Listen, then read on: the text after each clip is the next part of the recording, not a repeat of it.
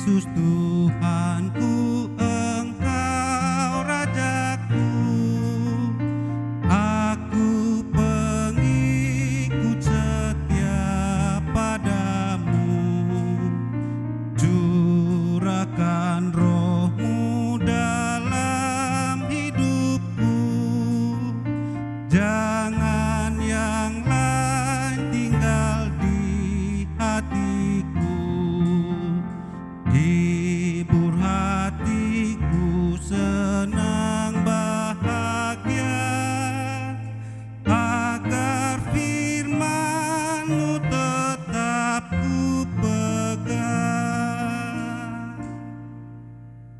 now.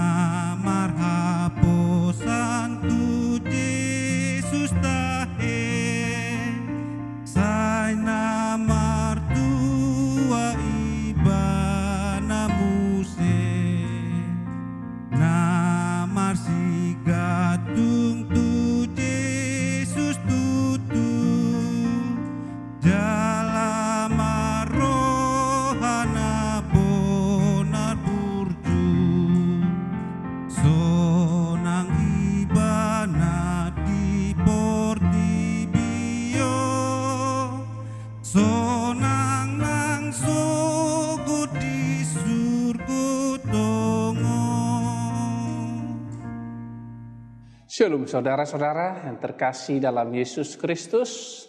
Renungan hari ini Rabu 8 Juli 2020 akan kita saksikan terlebih dahulu kita berdoa. Damai sejahtera dan kasih karunia dari Allah Bapa dan anaknya Tuhan Yesus Kristus menyertai kamu sekalian. Amin. Saudara-saudara, Firman Tuhan hari ini dari Yeremia 13 ayat 1. Demikian dikatakan. Ikat pinggang yang menjadi lapuk.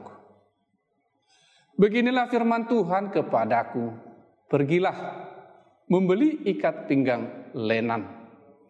Ikatkanlah itu pada pinggangmu. Tetapi jangan kau celupkan ke dalam air. Demikian firman Tuhan. Saudara-saudara, firman Tuhan ini mengingatkan kepada kita sebagaimana umat Israel begitu berharga di hadapan Tuhan. Demikian juga kita begitu berharga di hadapan Tuhan. Pada zaman itu tidak semua orang bisa memakai kain lenan. Pada umumnya kain lenan adalah dipakai oleh orang-orang penting. Mungkin sekarang kita bisa membeli kain lenan, menggunakannya tanpa harus dibatasi oleh jabatan dan lain sebagainya. Tetapi pada zaman itu, itu adalah pakaian yang sangat berharga. Apa mau dikatakan di sini? Mau dikatakan bahwa kita itu sangat berharga di hadapan Tuhan. Di dalam judulnya, judul perikop ikat pinggang yang menjadi lapuk. Menyatakan bahwa mereka yang meninggalkan Tuhan menjadi jauh daripada Tuhan. Ikat pinggang yang lekat. Yaitu mereka yang selalu mendekat, selalu menyerahkan kepada Tuhan. Dikatakan di dalam Yesaya itu 59 ayat 2. Pemisah kita daripada Allah. Yang memisahkan kita daripada Tuhan adalah kejahatan kita. Kesalahan kita. Dosa-dosa kita. Itulah yang memisahkan kita daripada dia. Tetapi dia selalu mengasihi kita. Selalu mengharapkan kita. Untuk selalu datang kepada dia.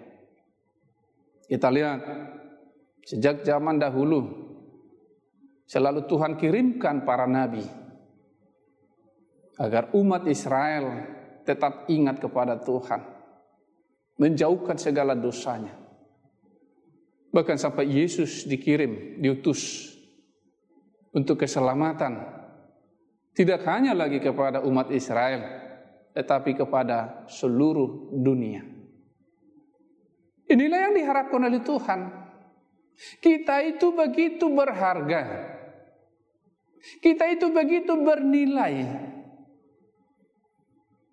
Tetapi menjadi tidak bernilai ketika meninggalkan dia yang senantiasa mengasihi kita.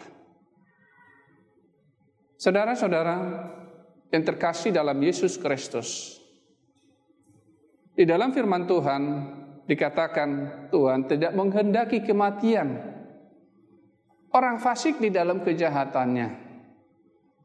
Tetapi Tuhan menghendaki mereka kembali kepada Tuhan. Tetapi sering kali kita lihat ketika kita tegur seseorang karena kesalahannya, mereka menjadi marah. Padahal seharusnya mereka bersuka cita karena masih ada orang yang peduli kepada mereka.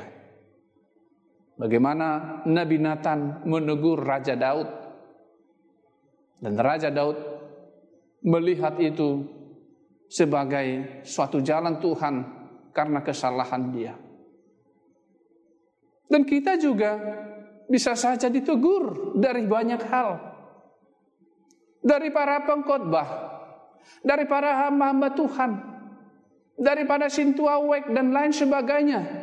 Ditegur bukan untuk menjatuhkan kita, tetapi untuk agar untuk kita agar kita meninggalkan segala yang kurang, segala kejahatan, segala perbuatan yang tidak dikehendaki oleh Tuhan. Di sini kita diingatkan. Siapa pun yang berdosa, mereka akan jatuh ke dalam api itu. Upah dosa adalah maut. Tetapi bagi mereka yang datang kepada Yesus, yang mau meninggalkannya, yang mau bertobat, maka mereka akan beroleh kehidupan yang kekal. Mereka berharga di hadapan Tuhan. Satu orang saja bertobat dikatakan berlaksa-laksa malaikat. Bersorak-sorai, bersuka cita di sorga. Itulah harga dari Tuhan kepada kita. Dan dia sudah tunjukkan melalui darah Yesus.